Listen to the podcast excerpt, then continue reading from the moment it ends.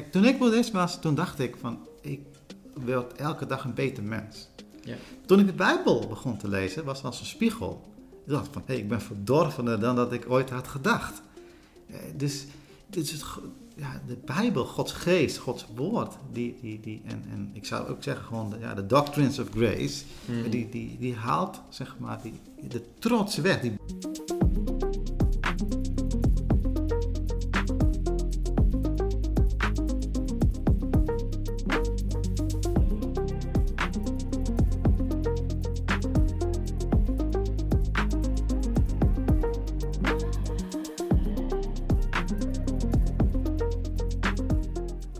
allemaal. Vandaag heb ik weer een tafelgesprek met een eh, bijzondere gast. Dat is een goede vriend van mij en een broeder, Sam. Eh, broeder Sam is eh, voorganger in de Family Bible Church, een van de ouderlingen, samen met Jurgen. En we hebben wel eens vaker samen een video opgenomen of een gesprek gehouden hè, in, in de Family Bible Church, een vraag-antwoord sessie. Maar vandaag was jij bereid om eens hier te komen en gaan we het hebben over, nou, ook een beetje jouw levensverhaal en jouw ja, hoe je tot Christus bent gekomen, denk ik. Mhm, Want jouw achtergrond is eh, die van boeddhisme. dat klopt. En we hopen samen ook wat meer stil te staan bij wat is nou boeddhisme. En ja, ook een beetje vanuit een apologetische context misschien daar wat meer over te leren begrijpen. Hè? Ja. Nou, welkom in elk geval. Hartelijk bedankt, Chris. Ik heb jou een beetje geïntroduceerd, maar misschien wil jij ook wat vertellen over jezelf. Ja, nou, allereerst eh, ontzettend bedankt eh, dat ik uitgenodigd ben voor deze podcast. Ik ja, bekijk het ook zelf, dus en nu ja, mag ik eh, te gast zijn. Dankjewel daarvoor en eh, ik eh, ben ook overtuigd dat het een zegen is voor vele mensen. Dus daarom wil ik je ook bemoedigen. Ehm, nou, iets over mezelf. Je hebt al wat verteld. Ik ben ja, een van de ouderlingen van de Family Bible Church in Rotterdam. En nou, daar mag ik dienen. Daar ben ik God ook dankbaar voor. Maar ik ben niet ja, dit werk zomaar gaan doen. Da- daarvoorgaand ja, heb ik toch wel eh, een hele reis meegemaakt, zeg maar. Een geestelijke reis. Daar kan ik misschien zo wat eh, over delen. Hm. En ja, ik heb me gewoon eh, ja, dienstbaar opgesteld om de Heer te dienen in zijn, in zijn koninkrijk. Ja, En ja, ik vind het ook heel erg waardevol om ja, de goede boodschap ook te mogen delen aan ja, ook mensen die misschien een Oosterse achtergrond hebben. Iets wat je misschien niet vaak meemaakt. Nee, want En- ik heb dus ik heb nog geen één video gemaakt op mijn YouTube-kanaal hè, over Mhm. apologetiek, over eh hindoeïsme of over Ja. boeddhisme. Hè, wel iets over islam. Ja. Eh, maar hindoeïsme en boeddhisme, ik denk, ja, ondanks dat het toch wel eens in Nederland ook aan de orde is, en Mhm. misschien ook wel eens in straatevangelisatie of zo Mhm. onder christenen, dat ze daarmee geconfronteerd worden. Ik denk dat veel christenen over die Oosterse religie maar Klopt. weinig weten. Klopt, klopt. En ik denk, eh, ja, omdat het zo'n ander wereldbeeld is, dan eh, ja, kun je soms dingen zeggen. Ik, ik geef maar een voorbeeld, hè. als je het hebt over eh, reïncarnatie en wedergeboorte, dan kunnen misschien mensen daar ja, verward door raken. Hè. Zij bedoelen natuurlijk heel iets anders, hè. dat je opnieuw geboren wordt in een andere menselijke gedaante of zelfs een dier. Ja. En eh, terwijl de wedergeboorte in de christendom natuurlijk heel anders is. Ja. Dat is een geestelijke eh, wedergeboorte. Ja. Maar als je die taal niet begrijpt, zeg maar, van de Oosterlingen, dan kun je soms eh, ja, over elkaar heen praten. Ja, ja. Dus een bepaalde vorm van contextualisatie, zeg maar, zonder hè, water bij de wijn te doen aan het evangelie. Dat is wel ja, noodzakelijk om Het is het goed dat je dit zegt, Sam. Is denk ik heel goed dat je dit zegt, want ik denk dat dat een probleem is, niet alleen bij boeddhisme of hindoeïsme, maar Mhm. bij heel veel Absoluut. dialogen tussen christenen en zeg maar aanhangers van andere wereldbeelden. Absoluut. Eh, dat er soms een verwarring is van termen. Hè?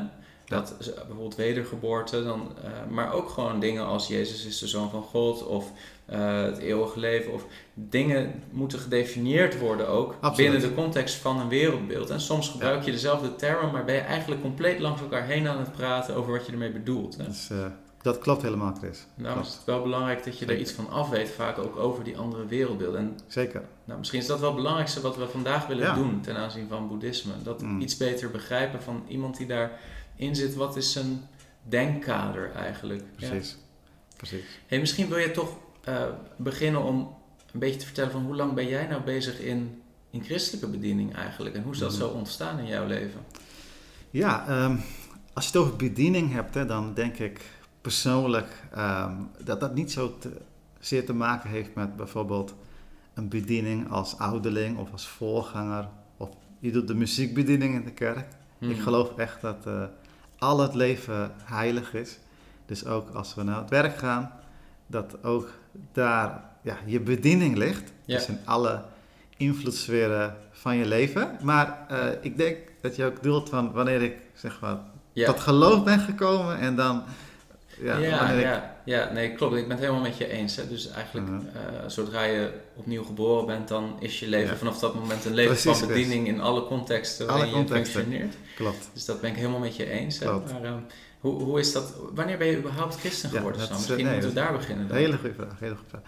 Ehm, ik weet niet exact de datum van dat is exact de datum van oh dan ben ik christen geworden. Als ik achteruit kijk dan denk, zie ik ook gewoon Gods hand ja, in mijn leven.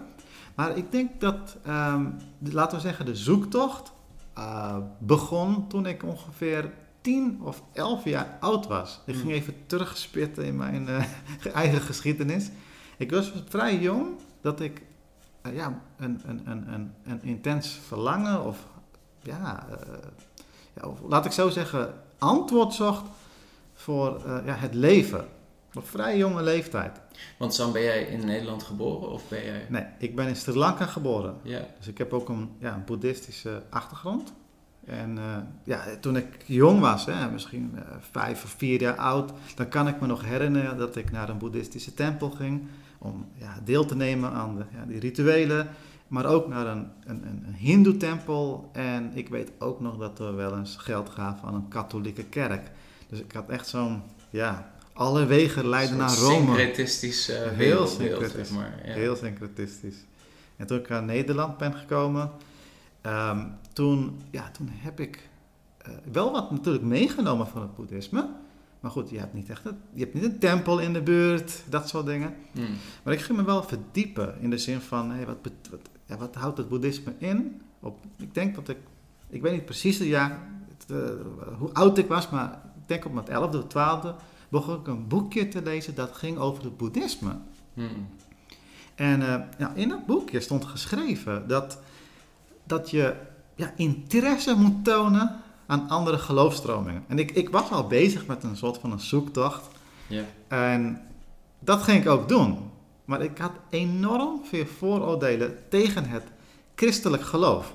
Want destijds eh, keek ik ook best wel veel tv, eh, Discovery Channel Hmm. onder andere. En ik zag wat eh, geschiedenisprogramma's over ja, wat christenen allemaal wel niet deden in de naam van hun religie. Hmm. Het vervolgen van mensen met een bepaalde kleur haar en dergelijke. En ik dacht van, nou ja, dat, dat is niet geestelijk. Ik vond boeddhisme veel geestelijker overkomen. Maar goed, uit nieuwsgierigheid ben ik toch eh, de Bijbel gaan lezen. Iemand ergens in het dorp in Friesland waar ik woonde, ja, die gaf een Nieuw Testament. Dus die begon ik ook te lezen. Ik denk dat ik iets van 11, 12 jaar oud was. En ja, ik begon eh, door het boek Matthäus te lezen. Hmm. En ik begreep echt niks van die geslachtsregister, Hmm. de eerste hoofdstuk. Ja.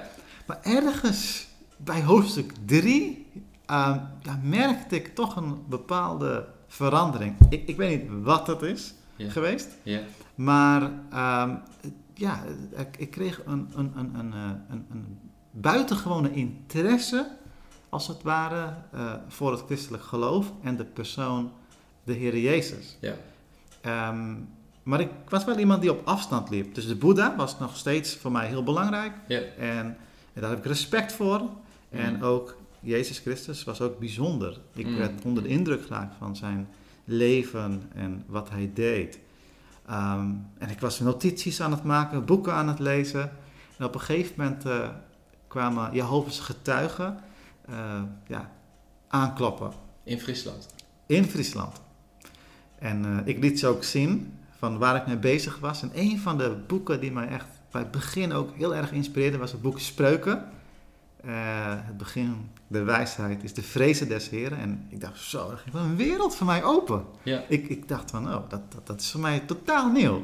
ja, want dat is misschien wel goed om heel even te Mhm. arceren. Hè? Van een boeddhistisch wereldbeeld is eigenlijk een atheïstisch wereldbeeld. Klopt dat? In Ja. de zin van, Ja, ja, eigenlijk het, de, de kernleer van boeddhisme gaat niet uit van het nou ja, bestaan van een god. Hè? Zijn, er zijn mhm. wel volgens mij eh, in het boeddhisme, zeg maar, zoals dat wordt beleefd in de verschillende landen Mhm. waar boeddhisme leeft, onder de bevolking zijn, zijn ook wel invloeden waar dat wel volgens mij soms speelt. Maar eigenlijk, boeddhisme in zijn meest pure vorm is Ja. niet een theïstisch wereldbeeld. Hè? dat klopt, eh, Chris. Je hebt eh, zeg maar drie grote scholen, eigenlijk ja, twee. En één daarvan is de Theravada-boeddhisme. Eh, Sri Lanka, eh, dat is een eh, land waar ze ja, Theravada-boeddhisme aanhangen. Wordt ook wel de kleine wiel genoemd. En dat is eigenlijk klassiek boeddhisme.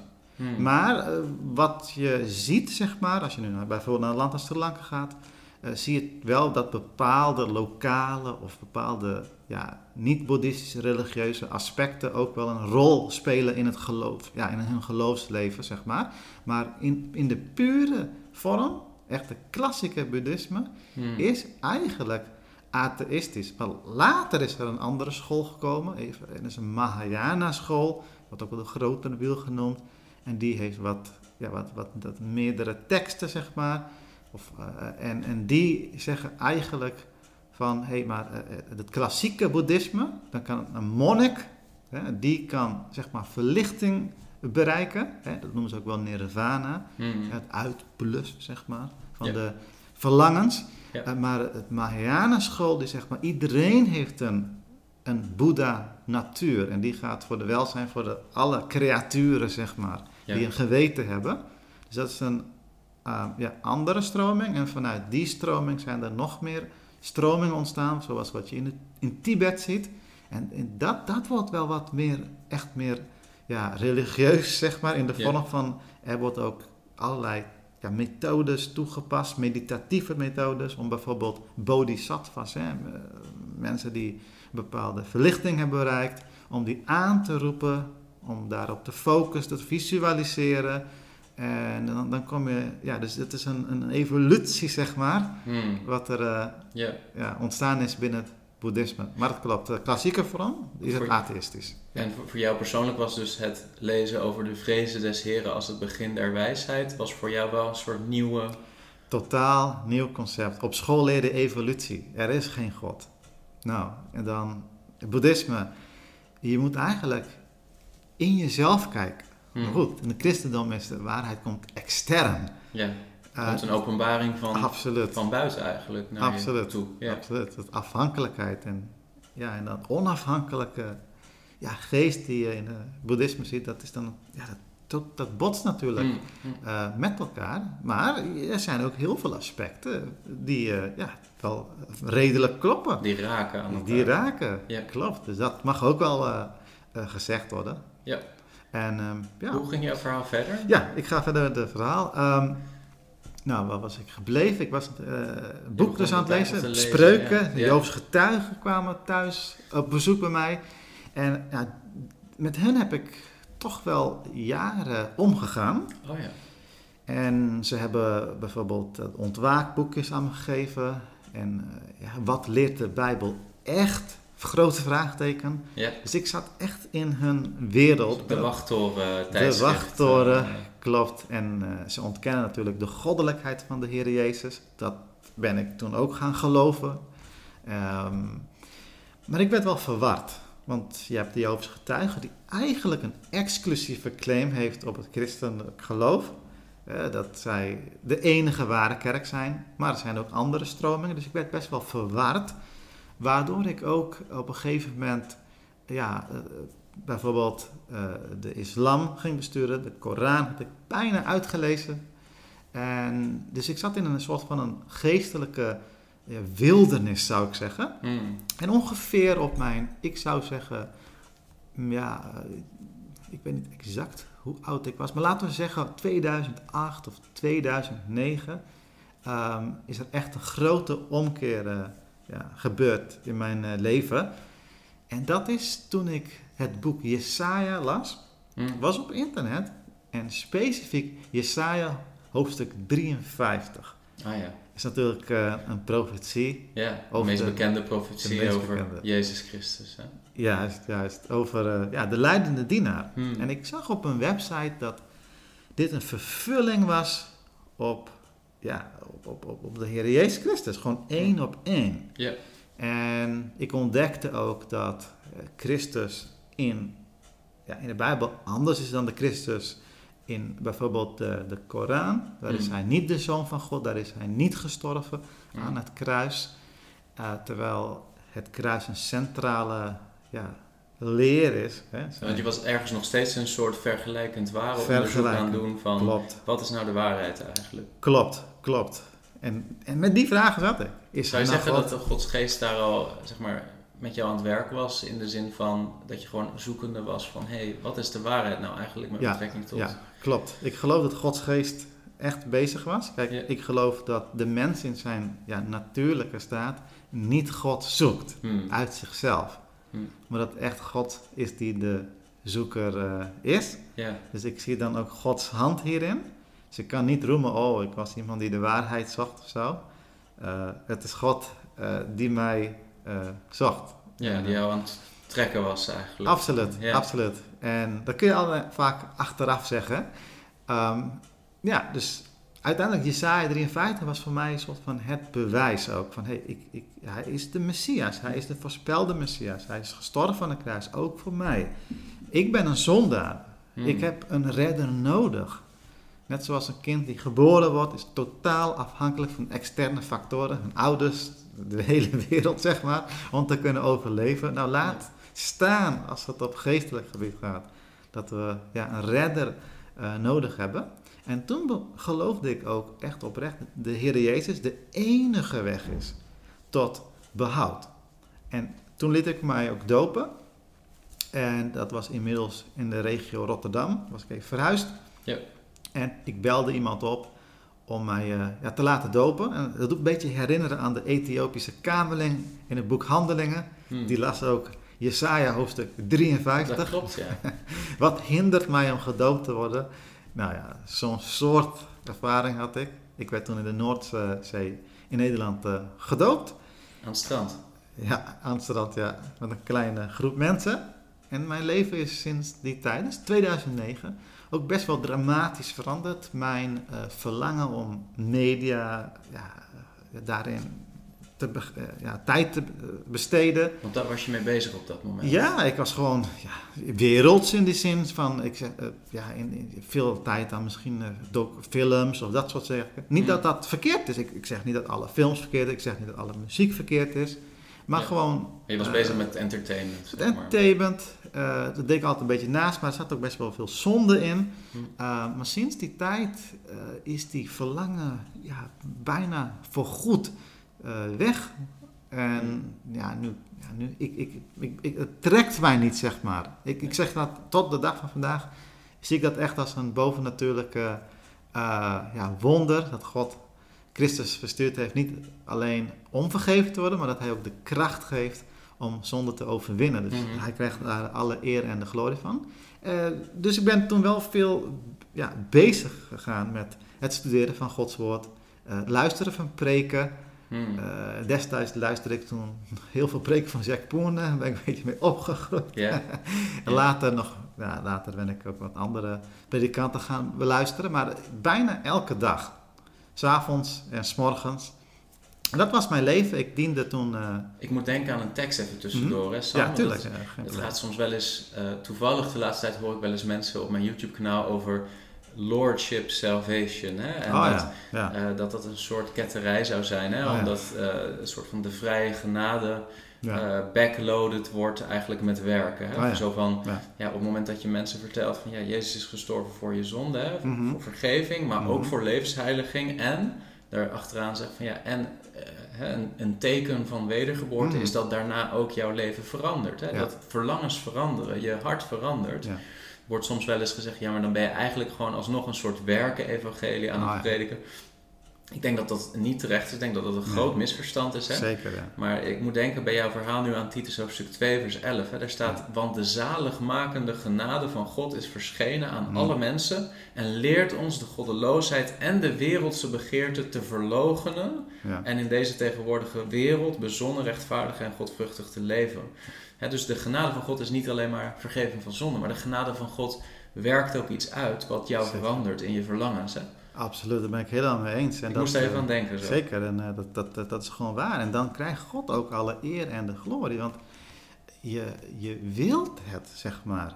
Wat je voorheen niet wilde, wil je nu door de, ja, eh, de kracht van de Heilige Geest. Hij geeft ons die nieuwe verlangens. Maar je ontdekt ook dat je ja, een, anderzijds ook een zondaar bent in de zin van dat als Gods Geest op dingen openbaart, dat je ook merkt dat sommige zondes die je misschien niet als zonde zag, ineens wel eh, Mm. zonde wordt. Ja. Dus ja, het is een, een, een, een, bijzondere mix van overwinning van zonde door Gods geest en tegelijkertijd een dieper besef dat je een grotere zondaar bent dan dat je ooit geweest bent. Ja. En, en dat houdt je dan ook toenemend weer besef. nederig. Dat zie je ook in het leven van Paulus Ja. natuurlijk. Hè? Die Ja.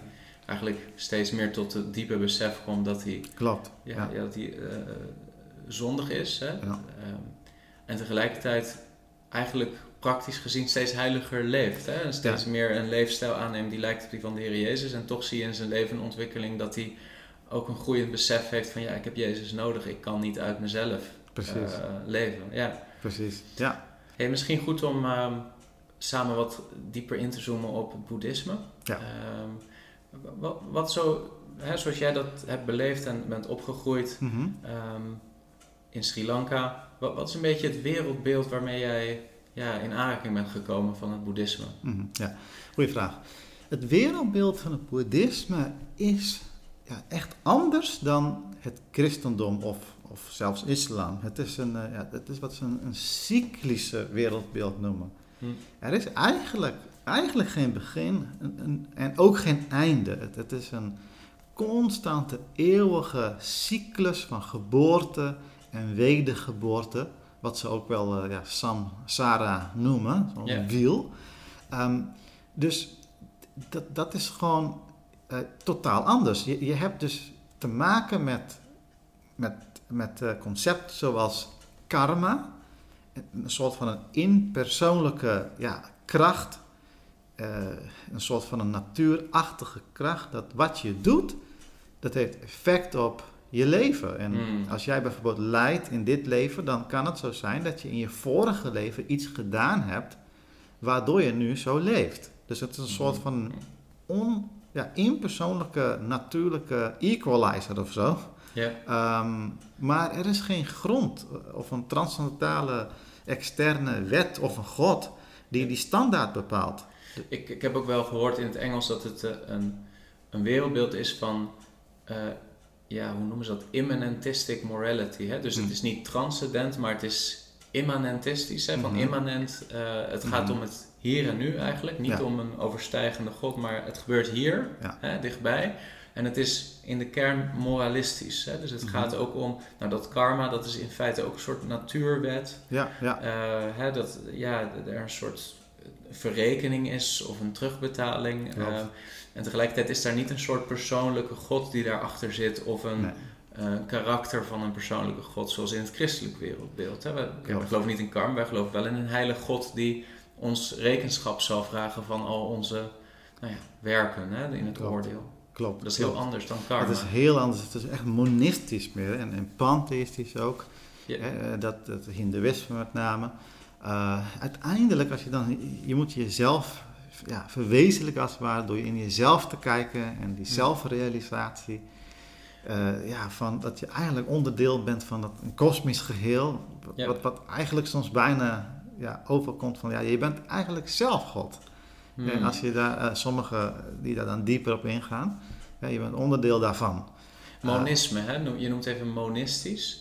Maar daar, daar, bedoel je eigenlijk mee van niet dualistisch. Hè? Er is niet een soort van onderscheid nog tussen Mm -mm. het geestelijke en het materiële. Um, alles is God. Alles is in feite Ja. één van één essentie, zeg maar. Maar wat is die essentie dan, denk je, in een boeddhistische wereld? dat is, dat, best- is alles materie of is alles geest? Of, Kijk, in het boeddhisme hebben ze ook wat ze noemen maya. Dus alles is ook illusie. ja, Dus ja, het, het is best wel verwarrend voor mensen, denk ik. Hè? Ehm, waar dat- komen deze ideeën vandaan in het boeddhisme? Want Ja, ergens komt, dit vandaan Ja, ja. natuurlijk. Hè? Klopt, klopt. Nou, dan kan ik misschien een stukje geschiedenis vertellen van, Ja. of een korte samenvatting van ja, hoe het boeddhisme is ontstaan. Ja. En dan krijgen we ook antwoord op die vragen. Ehm, de Boeddha was, hè, dat betekent dan verlicht, eh, iemand die verlicht is. Ja. Maar zijn naam is ja, Gautama Siddhartha. Ongeveer geboren rond eh 5 à 600 voor Christus. Dat is niet eens helemaal duidelijk of zeker. Hè? De, de bronnen zijn niet primaire bronnen vaak. Nee, het zijn soort overleveringen. Klopt, mondelinge overleveringen. Ja, die pas later op schrift gesteld zijn ook. Klopt, Ja. klopt. Dat is, dat is al 400 jaar later, geloof ik zelfs. Ja, ja. Ehm, en nou, hij, hij werd geboren in Nepal. Hij is een prins. En de, zijn familie, zeg maar, hebben een hindoeïstische ja, achtergrond. Dus waar hindoeïsme was voor het boeddhisme. En zijn ouders, en de koning, die wou hem beschermen van eh, ja, het zien van pijn en lijden in deze wereld. Dus ze hebben hem als het ware een soort van opgesloten in een paleis met veel luxe, wilde en ja, leven zoals je wilt, zou je misschien kunnen zeggen. En ze lieten bijvoorbeeld alleen maar jonge mensen toe in, in, in die paleis. Dus hij kwam niet in aanraking met pijn en lijden. Maar hij werd niet gelukkig. Hm. Hij werd niet gelukkig. Dus uit een bepaalde drang, verlangen, ging hij uit het paleis. En toen ontdekte hij iets wat hij nooit eerder gezien had. Hij ontdekte iemand die grijs haar had en die oud en kreupel was. Hm. En er werd hem ook verteld, hè, van dit is ouderdom. Hij ging terug en eh, hij kon gewoon niet slapen. Hm. Van, wat maak ik nu mee? Ging een tweede reis maken uit zijn paleis. En toen ontdekte hij iemand die ja, eh, ziek was. Die ziek, volgens mij, ziek op straat lag. En Mhm. toen kwam hij in aanmerking met ziekte. Hey, er, is, er is dus ouderdom, er is ziekte. Hij ging weer terug naar het paleis. En dan weer derde reis. En toen zag hij iemand ja, weggevoerd worden. En dat was iemand die dood was. Ja, iemand vertelde hem, dit is, dit is de dood. Je, je, kunt er niet, je kunt het niet ontsnappen. Ja. En die persoon werd dan gecremeerd. Dat is allemaal hindoeïstisch. Hè? Hm. En dat ja, zette hem zo tot nadenken. Op een gegeven moment ging hij weer een reis maken. Toen ontdekte hij, of eh, kwam hij eh, iemand tegen, die was een monnik, die een wat ascetische levensstijl had. Hè? Dus niet hecht aan materiële zaken. eh eh, de- vasten, Hm. eh, heel, heel ascetisch, hè? waar de Bijbel ook over spreekt. Hè? Ehm, en hij ging dat pad volgen van het ascetisme. Hij werd daar heel erg bedreven in. En zo bedreven dat hij op een gegeven moment, op een dag, bijna stierf aan zeg maar, zijn meditatie en gewoon uithongeren Ja. van zijn lichaam. En hij zat onder een, eh, volgens mij, een bodhi-boom. Hm. En toen kwam er een jongen die gaf hem een, een, kom eh, rijst, volgens mij. En misschien geitenmelk, geloof ik. Hm. En toen ja, ging hij niet dood. En eh, toen ontdekte hij zeg maar van... Hey, leven in extreme wilde, het materialisme... Hm. dat is niet de weg, nog ascetisme. Ja. Hij vond een middelweg. Ja, middenweg is denk ik de grote belangrijke term van boeddhisme. Ja. juist. En daar komen, komt dus de vier edele of nobele waarheden uit voort. En, Ja. en die zegt is eigenlijk van... Hey, er is lijden. Hm. Er Dat is de is eerste. lijden. De Dat is eerste, de eerste. Ja. En het tweede is, het lijden komt door begeerte. Ja. En Verlangens. En Verlangens, begeer. begeertes. Noemen ze ook wel het tanha. Hm. En, ehm, en de derde is dat ja, je moet eigenlijk jezelf onthechten van die begeertes. En dan geeft hij een praktische, achtvoudige pad hè, om zeg maar die verlichtingspad te gaan eh, bewandelen. Dat zijn gewoon ethische, morele eh, zaken, waaronder bijvoorbeeld eh, meditatie. Hmm. En dat werd dan zeg maar ja, ja, uitgedeeld, zijn boodschap aan andere volgelingen. Hè. Bhikshus noemen ze dat volgens mij. Een soort van discipelen zou je kunnen zeggen. Mhm. En dat is eh, gaan verspreiden in, eh, in, in Azië. Het is best wel eh, invloedrijk geweest voor heel veel landen. China, Japan, Zuidoost-Azië. Het is echt verspreid, ook naar mijn land. Ja. Afghanistan. En, dus het is best wel invloedrijk geweest. Ja. Die, die vier nobele waarheden, hè? ik lees even op Wikipedia ook mee. ja. Eh, De eerste, er is lijden en ontevredenheid in het leven. Mhm. De tweede, er is een oorzaak voor dit lijden en dat zijn verlangens of begeertes. Je ja, De derde, er is een einde aan dit lijden mogelijk. En de vierde, er is een weg die daar naartoe leidt en dat is het achtvoudige pad. En dan Precies. word je eigenlijk verwezen van de vierde waarheid naar dat achtvoudige pad. En daar staat dan één, het juist begrijpen. Twee, Mhm. juiste intenties. Drie, het juist spreken. Vier, juiste handelingen. Mhm. Vijf, juist levensonderhoud. Zes, juiste inspanning. Zeven, juiste aandacht. En acht, juiste mentale absorptie. Ja. Ehm, En die hebben allemaal met elkaar te maken. ja, die zijn verweven. Die zijn verweven op basis van hoe hè, Siddhartha Gautama Ja. kijkt naar het leven. Want deze, deze, dit pad en die vier waarheden, Mhm. die, die komen van hem af, zeg maar. Hij bereikt op een gegeven moment zelf in zijn meditatie een staat van verlichting, Ja, volgens mij. klopt. klopt. Eh, althans, ja, ik vind het altijd een beetje moeilijk om dan vast te stellen van... Ja, hoe weet je dan wat dat betekent en Mhm. dat hij daar is? Mhm. Hè, maar, ehm, en dan komt hij met een bepaald gezag hè, en zegt... Dit is de weg die je zou moeten gaan, eigenlijk. Ja. Mijn eerste vraag is zo van... Waarom zou je die weg moeten gaan dan precies? Hè? Want dan is soort van het doel om het lijden te verminderen.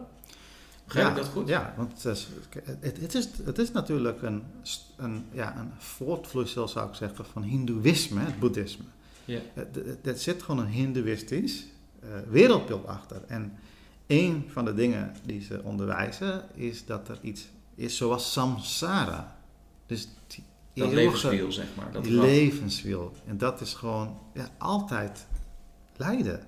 Hmm. Dus je, daar, je moet uit die cyclus komen. Ja, dat is eigenlijk het ultieme doel in boeddhisme. Hè? Klopt. Om uit die cyclus van Uit die cyclus. reïncarnatie ook te breken. Precies, precies. En dan zijn er verschillende scholen waarvan sommigen zeggen, ja, sommige, de Mahayana school bijvoorbeeld, dat sommigen ervoor kiezen om mensen te helpen, een soort van een universele redding zou je kunnen zeggen, om die pad te gaan bewandelen.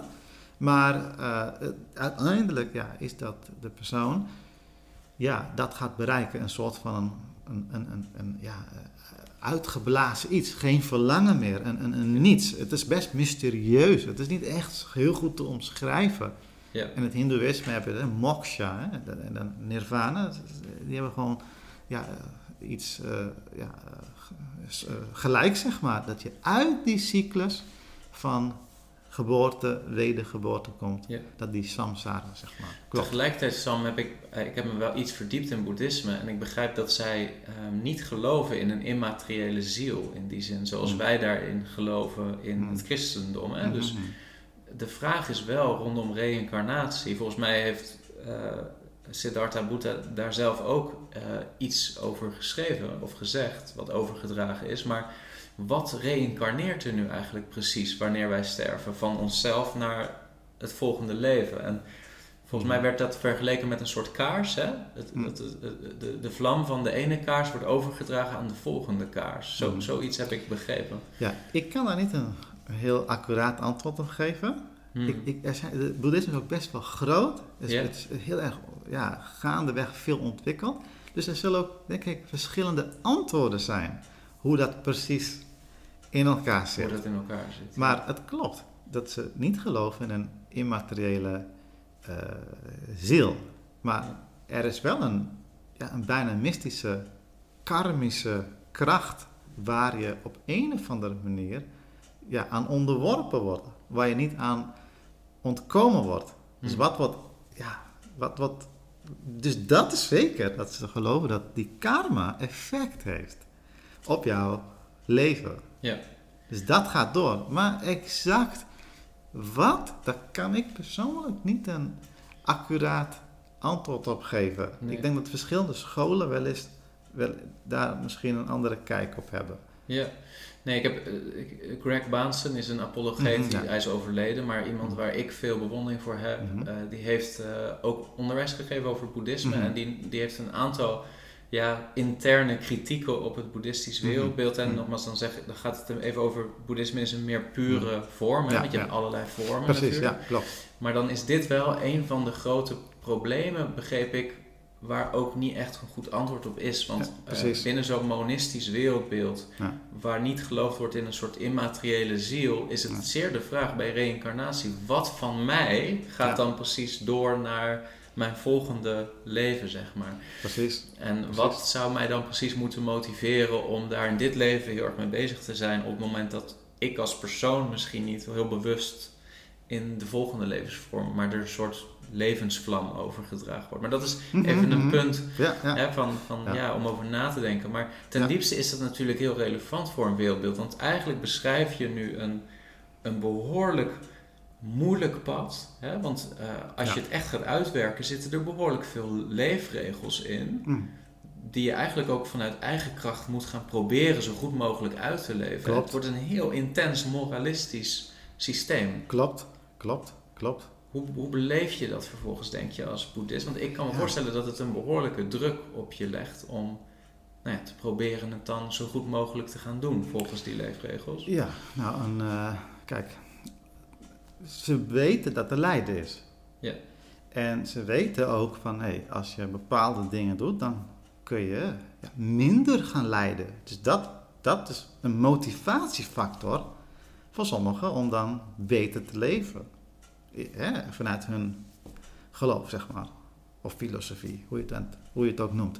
Ehm, dus dat is een motivatiefactor. Eh, en ook als er lijden is, dan kunnen ze dat een beetje relativeren ook. Want ja, dit is wat je verdient. Een soort van wat je oog zal je zaaien en dan een Ze berusten oosterse... zich daar wat in dan. Ja, ja, klopt. Dus dat, dat is heel anders dan bijvoorbeeld de God van de Bijbel. Die, die, die bekommert zich om onrecht. Hm. En er zijn wetten en er zijn straffen. Dus het is niet dat God een hart van staal heeft. Hij bekommert zich erom. Hm. Maar in, het, in, in, in, in, in een, zeg maar, een Oosterse wereldbeeld, waar je dus te maken hebt met karma, eh, dan heb je wel dat mensen compassievol zijn. Eh, maar uiteindelijk kun je het ook allemaal relativeren. Hm. Want het is toch wat iemand gedaan heeft in zijn vorige... Ja, als iemand zeg Leven. maar hier in de goot leeft, in armoede en ziekte, dan Ja. kan je enerzijds vanuit boeddhisme wel komen tot een stuk hè, ontferming. Ja? Maar er zit ook een inconsistentie dan in dat wereldbeeld. Dat Ja. je eigenlijk ook kan redeneren van ja, als hij daar nu leeft in de goot, dan heeft hij waarschijnlijk in zijn vorige leven, hè, hij of zij, misschien zelf niet zo goed geleefd. Of, Klopt, klopt. En het, het, is, het strookt ook niet echt in de belevenis van mensen met de realiteit. Hè? Bijvoorbeeld ehm, het verlangen, hè? dat tanha, dat is hè, het oorzaak als het ware van het lijden. Ehm, maar als jij compassie toont aan een persoon of je wilt iets liefdevol doen, dan is, er, is het onvermijdelijk dat hechting plaatsvindt. Dus dat is gewoon onvermijdelijk. Dus het, het, het strookt niet echt over met de realiteit. Bedoel je dan hechting aan die andere persoon of hechting aan iets anders? Nou, sowieso die persoon, want je geeft om die persoon. Dus er is altijd een, een bepaalde hechting. Je, je kan niet, we zijn niet een, een, een rots, hè. Er, eh, je hebt een... Je, je creëert een, sowieso een, een, band, hè, Ja. op menselijk niveau. Ergens gaat het dan ook over liefde, toch? Precies. Want precies. is, is, hoe zien zij liefde dan, denk jij? Dat is dus juist lastig. Kijk, Ja. want ja, hoe, je kunt het niet echt plaatsen. Je kunt het echt plaatsen, want ja, als je hecht, dan is dat weer niet goed. Nee, je moet eigenlijk je onthechten van al die verlangens en begeerten. precies. Maar het strookt niet overeen met, eh, met zeg maar de realiteit. Ik, ik kan me herinneren dat een predikant iemand vroeg, een, een westerse vrouw in Sri Lanka geloof ik, die dan eh, monnik was geworden. Mhm. En zij had haar kind afgestaan aan iemand anders. Want ja, je, je hecht er dan aan. En die predikant vroeg ook aan haar van... Ik, ik, ik weet niet exact wat hij zei, maar... hoe zij dat ervaart, toen kreeg ze volgens mij wel tranen in haar ogen. Van, kijk, kijk, menselijk gezien voel je eigenlijk aan, dat klopt eigenlijk Het klopt niet. iets niet. Dus Mm. dat, dat, hechting en, en, en, en, en, en verlangen of begeerte, die krijgt een beetje ja, de schuld, als het ware.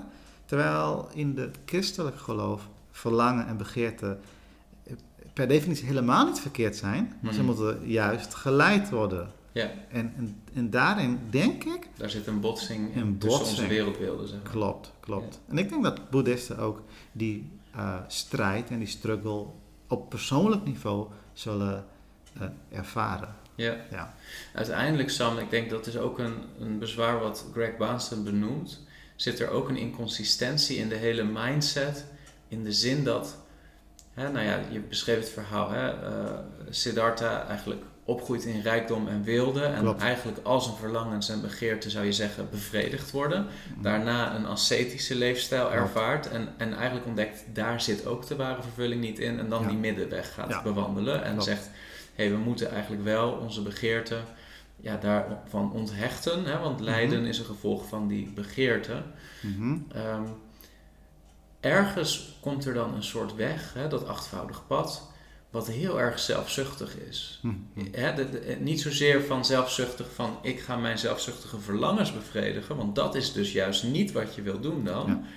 Maar zelfzuchtig in de zin van ik moet naar die staat van nirvana toe. Hè? Zeg ik dat goed? Mhm. Ik moet eh, een bepaalde leefstijl gaan, een bepaald pad bewandelen. Ehm, en alles wat mij daarin in de weg zit, hè, daar moet ik me van losmaken. Dus het, Ja. het, het is eigenlijk stiekem een heel ik-gecentreerd pad wat je dan gaat bewandelen. Mhm. Terwijl nu juist het idee was dat ja, bezig zijn met jezelf, zeg maar, en je eigen richting eh, zoeken onderdeel is van het probleem. Hè? Dus de, de ik-gecentreerdheid is ergens het probleem en ook de oplossing in boeddhisme. Begrijp je wat ik bedoel? Dus Ik op een overstijgend niveau zit daar een moeilijkheid in het boeddhistisch systeem, denk ik. Dat klopt, dat klopt. En je ziet ook bijvoorbeeld in de Mahayana school dat ze willen dat alle wezens hè, die een geweten hebben, dat die ook soort van gered worden. Dus ja, daar, daar zie je wel een soort van een, een, een compassie en bewogenheid. En ik denk dat boeddhisten en bepaalde stromingen zullen zeggen, ja nee Christ, nee, we willen juist niet gericht zijn. We willen juist compassie tonen Hmm. aan een ander. Maar Ja. ik denk in de puurste klassieke vorm van boeddhisme, ja, dat je dan toch ge- geconfronteerd wordt met de realiteit, dat je toch zelf die pad moet gaan eh, bewandelen. En wat ik eh, bijzonder vind, en wat wellicht waar inconsistent is, is dat je vooral moet kijken naar jezelf en niet extern. Ehm, maar een mens is nooit geheel onafhankelijk. In het verhaal van Boeddha, toen hij aan het mediteren was, was het een jongen die hem een kopje eh, eh, rijst gaf. Als hij dat niet heeft gegeven, had hij het misschien niet overleefd. En er is ook een verhaal van hem dat hij aan het wandelen was en hij zag een eh, herder met schapen en bokken, geloof ik, geiten en er was een lammetje die was, was verwond. En hij had een bepaalde bewogenheid voor dat lammetje dat verwond was. Dus hij nam dat lammetje en ging het dragen en ging naar die herder toe. Uiteindelijk naar die dorp waar een koning was. Wat bleek nou? Dat eh, ze de dieren zouden gaan offeren. En hij heeft dat toen tegengehouden. Aangegeven dat, ja, dat wezens, hè, levende wezens, die, die willen graag leven. En toen, eh, ja, ik, zeg het even geparafraseerd. Maar eh, de koning in die dorp werd toen wel zodanig beïnvloed. En eh, dat hij een wet, ja, bij, bij de wet zeg maar, niet meer dieren zou gaan eh, slachten. Hmm. Ehm, maar daar zie je dus dat hij wel een bepaald bewogenheid heeft voor leven. Hm. Maar als jij een leeuw vraagt, wil je groente gaan eten? Dat gaat hij niet doen. Nee. Dus in de natuur zie je al dat, het, dat er leven is en dat er dood is. En dat dood moet plaatsvinden, zodat een ander moet gaan leven. Hm. En dat is in zijn eigen leven gebeurd, dat zie je in de natuur. En daar zie je een soort van een, een inconsistentie. Ja. Ja, ik denk als we even uitzoomen van boeddhisme, ik denk we hebben het heel oppervlakkig nu eventjes besproken, hè, maar Mhm. samenvattend, het ultieme doel voor de boeddhist is uiteindelijk om die samsara, die cyclus van reïncarnatie, om daaruit te ontsnappen. Ja. Door, eh, en op een gegeven moment die staat van nirvana dan daarin te Ja. komen, waar, waarbij overigens niemand echt goed kan uitleggen volgens Nee. mij, inclusief Boeddha zelf niet, Nee. wat dat dan is en hoe het is. Hè? Dat Ja. het onbeschrijfelijk is eigenlijk. Ja. Hè? En ondoorgrondbaar, zeg maar. Dus het is... Ja. Eh, Maar goed, men gaat ervan uit dat dat een staat is die je zou willen bereiken. Dat is Mhm. dan het doel. Hè? Mhm. Ehm, en dat wordt bereikt door ergens gewoon dat achtvoudige pad zo goed mogelijk na te leven. Ja. Ehm, waarin denk jij dat het christelijk wereldbeeld verschilt van boeddhisme wat dat betreft? En je raakt het eigenlijk al een beetje aan volgens mij. hè. Mhm. Ehm, maar misschien voor jouzelf, waar, waar is voor jou Ja. zeg maar het, Ja. het verschil het grootst? Nou, ik eh, vind het heel mooi om eh, bijvoorbeeld eh, te zien in de Bijbel dat er ook een koning was. eh, die ook in een paleis eh, leefde, in wilde, in luxe. Alles wat je hartje kan begeren. Ongeveer 500 jaar voor Christus. Of voor eh Boeddha geboren was. Hm. En dat was koning Salomo. En koning Salomo. En hij zag ook, net als Boeddha, hè, er is lijden. Er is lijden. En wat eh Boeddha zag, als, eh, dat komt door hè, begeerte, dat komt door dat soort zaken en de hechting daarvan, zag Salomo in van dat alles vluchtig is. Daar begint het boek Prediker ook. Alles vluchtig. Alles is ijdel, alles is Ja. vluchtig, alles, Alles alles, is is vervliegd. Precies, de kostzondigheid van het leven. Dus hier had je een mens die ook eigenlijk op zoek was naar de betekenis van het leven. Hm. En ook net als Boeddha in wilde en in luxe leefde. En hij heeft het ook uitgeprobeerd. Maar de conclusie van Salomo is totaal anders Hm. dan die van Boeddha. Hè, als je prediker 12 leest, dat, hè, dat we eigenlijk God moeten vrezen en zijn geboden moeten doen. Hm. Als je dan verder leest, het oordeel gaat komen. Ja. Dus een totaal andere conclusie, maar wel soortgelijke personen die ja, ook betekenis zochten ehm, in het leven. En dan denk ik van, oké, christelijk wereldbeeld heeft, die heeft een bigger picture, zou ik zeggen. Ja. Een grotere, ja, die, die ziet plaatje. een groter plaatje. En het boeddhisme kijkt vooral eh, eh, naar zeg maar, het hier en nu. En in de natuur zie je inderdaad een cyclus. Leven, wedergeboorte. Ja. Maar het christendom geeft eh, ja, een bigger picture van... Hey, maar het lijden en, en die pijn en het begeerte en het verlangens... dat is eigenlijk een echo naar Eden. Het is iets wat goed was. Het is een lineaire wereldbeeld. God heeft de wereld gemaakt. Het was goed, het was perfect. De mens is gevallen in zonde. Daardoor is er nu zondige begeertes. Hè? 1 Petrus eh 1. Hm. Ja, dat is een zondige, be- eh, of eh, in het boek 1 Petrus staat, hè? zondige Ja. begeertes van deze wereld. Eh, die zijn er nu door de zondeval. Maar er komt ook een einde, dat is de hoop. Hè? Er komt Mm. een einde aan die zondige begeertes en het pijn en eh, lijden. Maar dan komt hij, het universum en de kosmos is niet iets onpersoonlijks. Nee, een persoonlijke God heeft deze kosmos gemaakt. En hij staat los van zijn creatie. Hij is geheel onafhankelijk, hè, de aseïteit van God. Ja.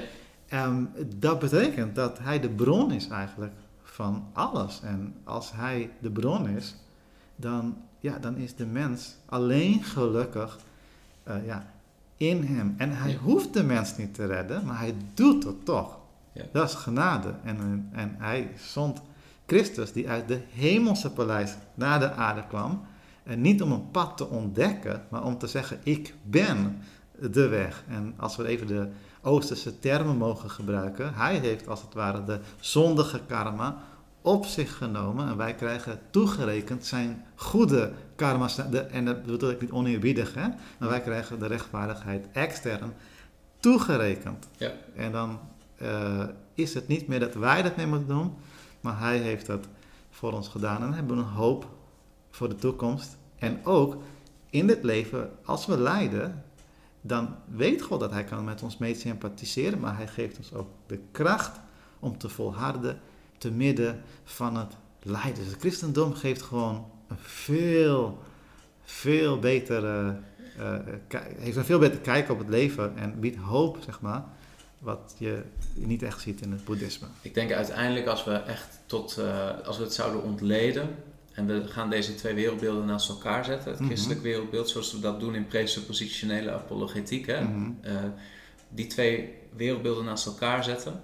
Dan denk ik dat het christelijk geloof eigenlijk het enige fundament heeft om nou ja, een consistent wereldbeeld te hebben waarin concepten zoals liefde, compassie, hè, ehm, hechting aan anderen, ja. Ehm, materiële en immateriële realiteiten, zeg maar, in mhm. onze dagelijkse ervaring. Hoe weten we wat we weten?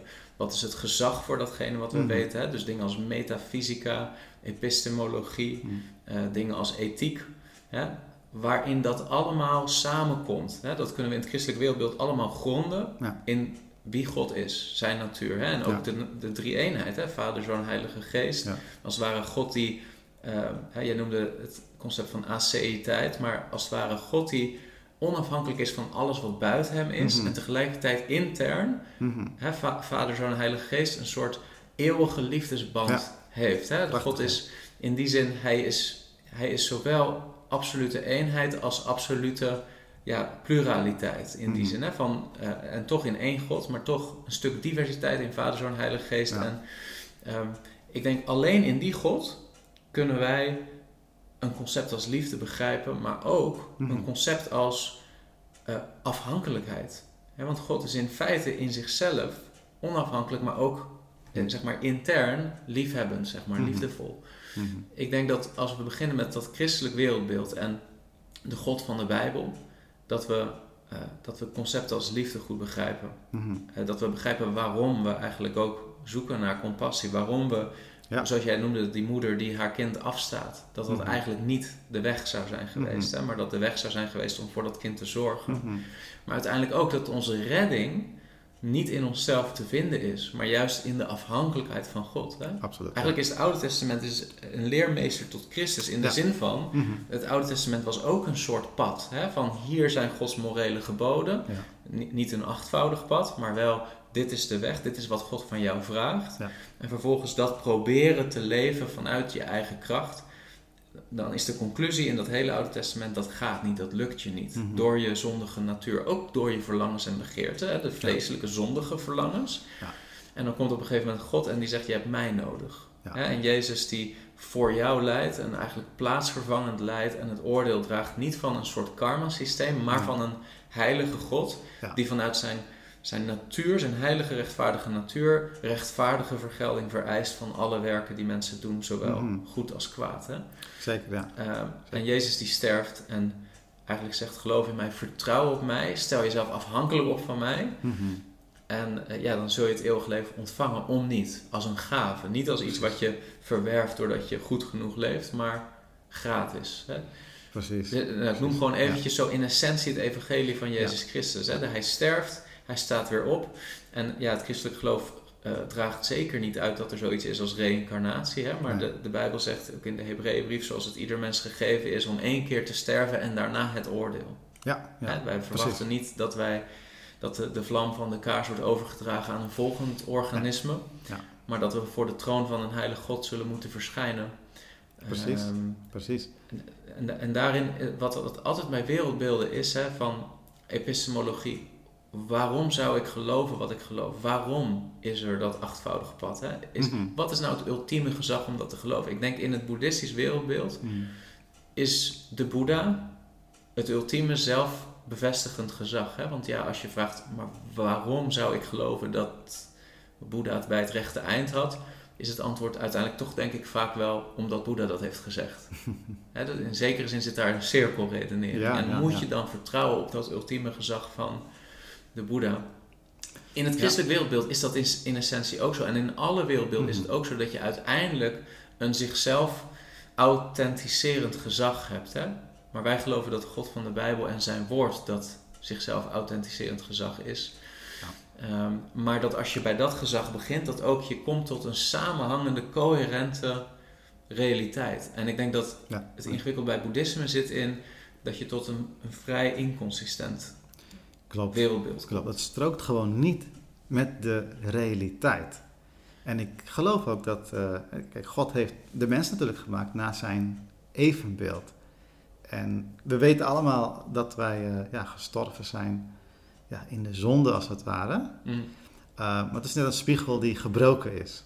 Het, het is er, er is nog een bepaalde dingen die intact zijn. Ik geloof natuurlijk in de totale verdorvenheid van de mensen. Maar nog steeds is er ook een bepaald aspect dat, uh, ja, dat, er, dat de mens nog geschapen is in de Ja, in evenbeeld van God. In de imago Dei. In de imago Dei, ja.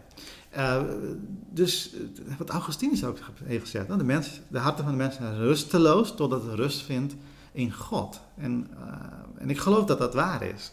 En dan denk ik ook dat alle dat pijn en het lijden hier op aarde ook Gods ja, middel is om te wijzen ja, richting de God die de ware vervulling uh, kan geven. Hmm. Dus ik, ik, ik, ik, en, en, en omdat we gemaakt zijn naar zijn beeld, zal dat ook nooit ten diepste gelukkig maken. Hmm. Als we buiten hem ja, opereren, zeg maar. En licht, paden van verlichting uh, zoeken. De hart blijft uiteindelijk uh, ja, rusteloos. Ja. En, Het dient, in de Ja. Bijbel staat ook een tekst die aangeeft dat juist dat ascetisme, dat staat geloof ik ook in Colossense, hè? mhm. maar dat het ten diepste ook dient tot bevrediging voor het vlees. Dus dat, ja, ja, ja, dat, dat het nutteloos is, een nutteloze vorm van godsdienst en overleveringen, maar dat het uiteindelijk ook dient tot bevrediging van het vlees. En dat er ook een zekere trots in kan zitten om dan, ja. hè, misschien ook als een monnik, soort Mhm. van Mhm. die staat van verlichting te bereiken. Hè? Denk Ja. aan een Dalai Lama, denk aan.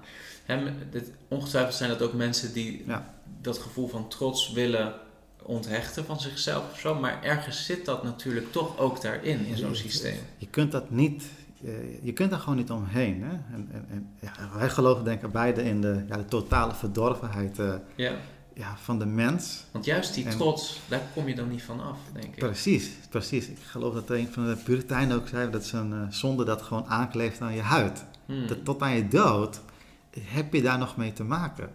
Ja. En, en, en, en ja, ik, ik denk, dat- kijk, toen ik boeddhist was, toen dacht ik van, ik word elke dag een beter mens. Ja. Toen ik de Bijbel begon te lezen, was het als een spiegel. Ik dacht van, hé, ik ben verdorvener dan dat ik ooit had gedacht. Eh, Dus, dus het, ja, de Bijbel, Gods geest, Gods woord, die, die, die, en, en ik zou ook zeggen gewoon, de, ja, de doctrines of grace, Hmm. die, die, die haalt, zeg maar, die, de trots weg, die breekt Ook de autonomie. met ja, de autonomie de, ook. de mens als het Ja. centrum van zijn eigen absoluut. eh, wereld, hè, wat eigenlijk in Ja. mijn beleving de essentie is van de zondeval. hè. Mhm. Heel vaak hebben mensen het erover dat Mhm. Adam en Eva hebben gezondigd doordat ze eh, Gods gebod ongehoorzaam waren. Dat is wel zo. Mhm. Maar eigenlijk was wat ze deden natuurlijk in, in wezen en in de diepte van wat er gebeurt een keuze voor autonomie. Ja. Hè, van ik, ik word het centrum van mijn eigen belevingswereld, Ja. van mijn eigen denkwereld, van Ja. mijn eigen ervaringswereld Ja. en vervolgens ook van mijn eigen religie. En dat, dat, daar, daar zit eigenlijk een, een stuk afgoderij in, in de zondeval, waarin de mens zichzelf centraal stelt. En door dat te doen ook eigenlijk Ja, ja, God verwerpt. En. God brengt ons volgens mij terug door het evangelie van Jezus Christus in die afhankelijkheidsrelatie. absoluut. En volgens mij is dat de kern van waar het om gaat in wedergeboorte. Is dat je, dat je tot de conclusie komt, maar ik kan dit niet zelf. Ik kan dit Ik zelf kan niet het centrum zijn van mijn eigen universum. Klopt. Ehm, ik, ik moet naar Jezus. Ik heb iemand buiten mijzelf nodig. Mhm.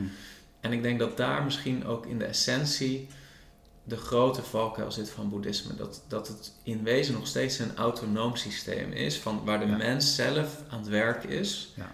om te proberen iets te bereiken, wat eigenlijk slechts bereikt kan worden door dat los te laten. En door gewoon te zeggen, maar ik kan dit niet en ik heb u nodig, Heer Jezus. Ja, klopt. En ik denk, Chris, ook eh, dat die autonomie, wat je terugziet in het boeddhisme, dat dat ook een aantrekkingsfactor is voor, voor, eh, ja, voor mensen in het Westen. Ja, want het sluit, heel goed, het sluit Ja. heel goed aan bij het individualisme Precies. wat wij in het Westen hebben. Precies, precies. En er is geen oordeel.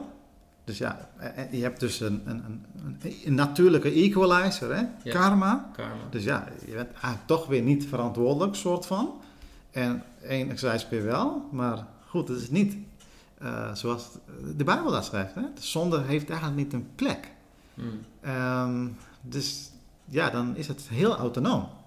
En dat is heel aantrekkelijk voor uh, ja, vooral mensen in het, uh, ja, in het Westen.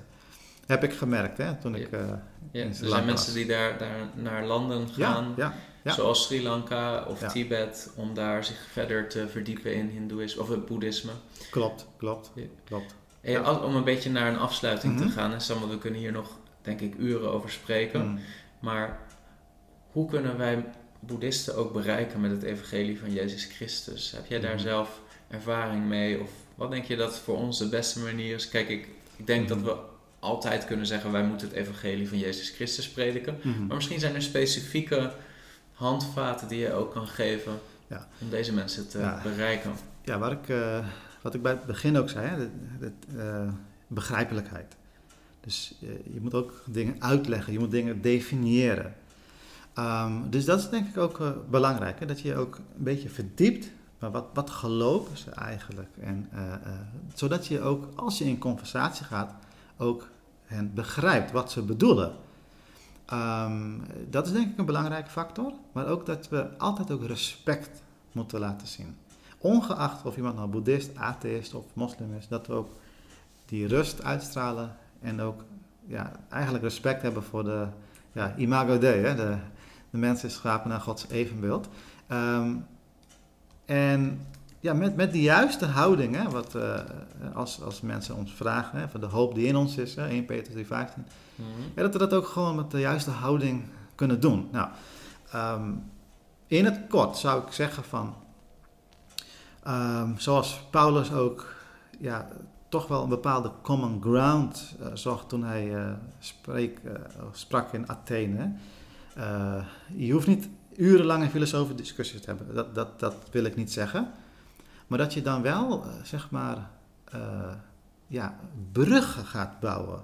In de zin van, hé, hey, uh, er is inderdaad lijden. Mm. Dat jullie doek kan noemen. Er is inderdaad lijden. En dat, en dat je dan met die persoon daar ook in gesprek gaat, zodat die persoon ook gehoord voelt. Ja, dat, is, dat klopt ook. Hmm. En dat je dan geleidelijk met zo'n persoon ook kan aangeven, ja, maar de, de oorzaak van lijden, hè, vanuit een Bijbels wereldbeeld, is dat de mens gezondigd heeft. Hmm. En ik zeg niet dat je dat per, gelijk per direct hoeft te het, het hangt van de conversatie denk ik af, maar dan moet je wel naar komen. Dat, dat de oorzaak is. En dan geleidelijk met datgene wat je weet over het boeddhisme, hmm. hè, de, de, hechting bijvoorbeeld, dat je dan aangeeft van hé, hey, hey, maar we moeten ons hechten aan God. We moeten Hem verlangen. Hmm. God heeft ons gemaakt om Hem de eer en de glorie te geven.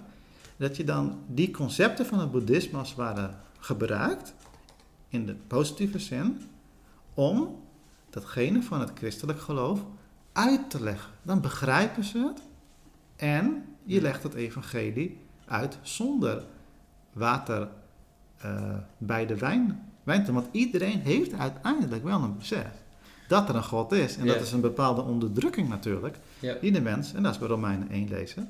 Uh, dus je hoeft ook niet heel krampachtig dit te gaan doen. God weet het en, en vertrouw op Gods woord dat Hij ook uh, het werk uh, gaat doen. Hey, dat is heel helder wat je zegt. Vanuit presuppositionele apologetiek uh, gebruik je vaak een tweestapsmethode. Mm. Ik denk dat dat ook altijd goed kan zijn bij andere wereldbeelden zoals mm. boeddhisme. Mm. Dat, je, uh, dat je ergens inderdaad uh, niet zozeer gemeenschappelijke neutrale grond zoekt, -hmm. maar wel gemeenschappelijke grond vanuit de belevingswereld. Hè? Want we ja, zitten in ja. feite leven we in dezelfde wereld. Precies. Alleen de boeddhist heeft een heel andere uh, ja. ja. uitgangspunten waardoor hij de hele wereld bekijkt. Een andere bril op eigenlijk.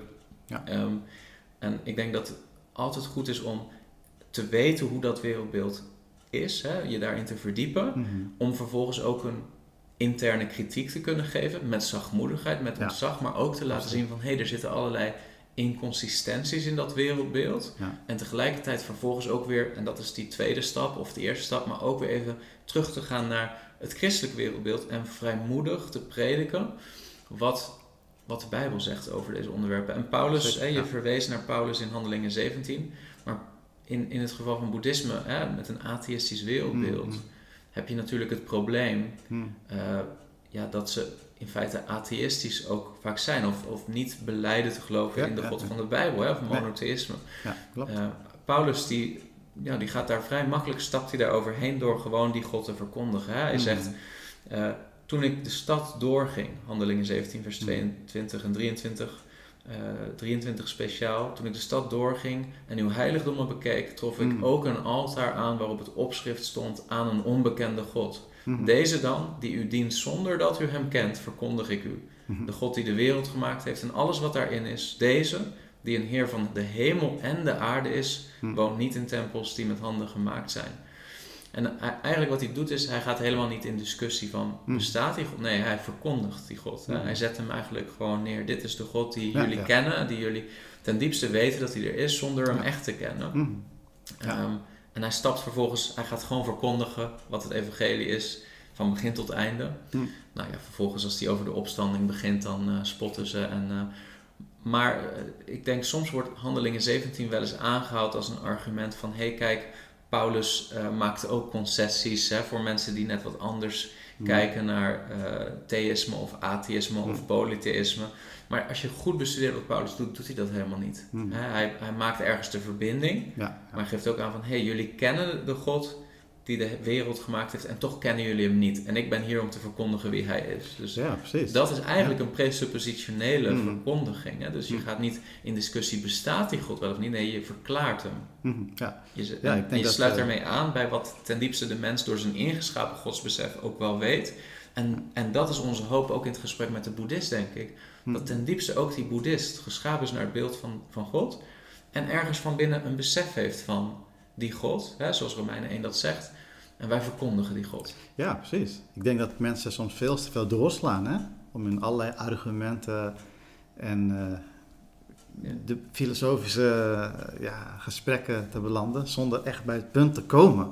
Ja, En eh, ik denk dat het een mooie gelegenheid is om toch die verbinding te zoeken, ja, eh, om dan toch de God die de wereld gemaakt heeft en de Heer Jezus gestuurd heeft, om die te verklaren. En dat, eh, ik, ik, ik denk dat er genoeg aanknopingspunten zijn in het boeddhisme om, eh, om dat te doen. ja, En bereid zijn, denk ik ook, als men het niet begrijpt, om het ook ja, uit te leggen. ja. Het concept als zonde bijvoorbeeld, dat is een hele klassieke boeddhist. Mm, mm. Ja, die, ja, die begrijpt dat helemaal niet. Maar er zijn ook gewoon boeddhisten, Chris, die eigenlijk een soort van aanbidding hebben. Nou, aanbidding, hè? Aan- aan- Mm. ja, rituelen, aanbidding. dus het wordt heel religieus. Met die zo'n persoon, eh, die zal misschien dat eerder begrijpen. Als je praat over een godheid en zo. Want ze Mm. offeren al, ze, bidden al. Eh, Je dus het ziet daarin de ook dat de mens geschapen is om Ja, te aanbidden. om hè? te dat aanbidden. zelfs in zo'n systeem als boeddhisme, Zelfs dat, in zo'n systeem. dat er heel veel stromingen zijn waar dan toch een soort voorouderaanbidding Ja. weer ontstaat. Of, ja, hè, dus klopt. dat ehm, ten diepste Klopt. de mens geschapen is om in een afhankelijkheidsrelatie met God te leven. Maar klopt. ja, dat dan door de zondeval allerlei eh, ja, deviaties gaat eh, opleveren. klopt. En ik, Ja. waar ik een beetje Ja. mee wil afsluiten, want ik denk dat we een beetje richting een einde gaan. Maar Mhm. voor dit gesprek, en misschien moeten we er nog eens over doorpraten. Maar ja, wat mij trof in jouw verhaal was die, eh, die, die moeder die haar kind eigenlijk had afgestaan hè, om, om een soort het meest pure pad van ehm, ja, een stukje eh, je eigen begeerten en je eigen verlangens Hmm. eh, ontkennen te gaan. En toch dan na zo'n lange tijd, hè, nog steeds als ze gevraagd wordt naar nou ja, haar kind, eh, moet huilen. En ik denk dat daar eigenlijk het beeld van God een beetje doorbreekt. Hm. Dwars door zo'n systeem heen. Hè? Dat je ten Ja. diepste, dat ook die, die vrouw beseft, er klopt iets niet. Nee. En wat klopt er niet? Ja, dat uiteindelijk er een God is van liefde.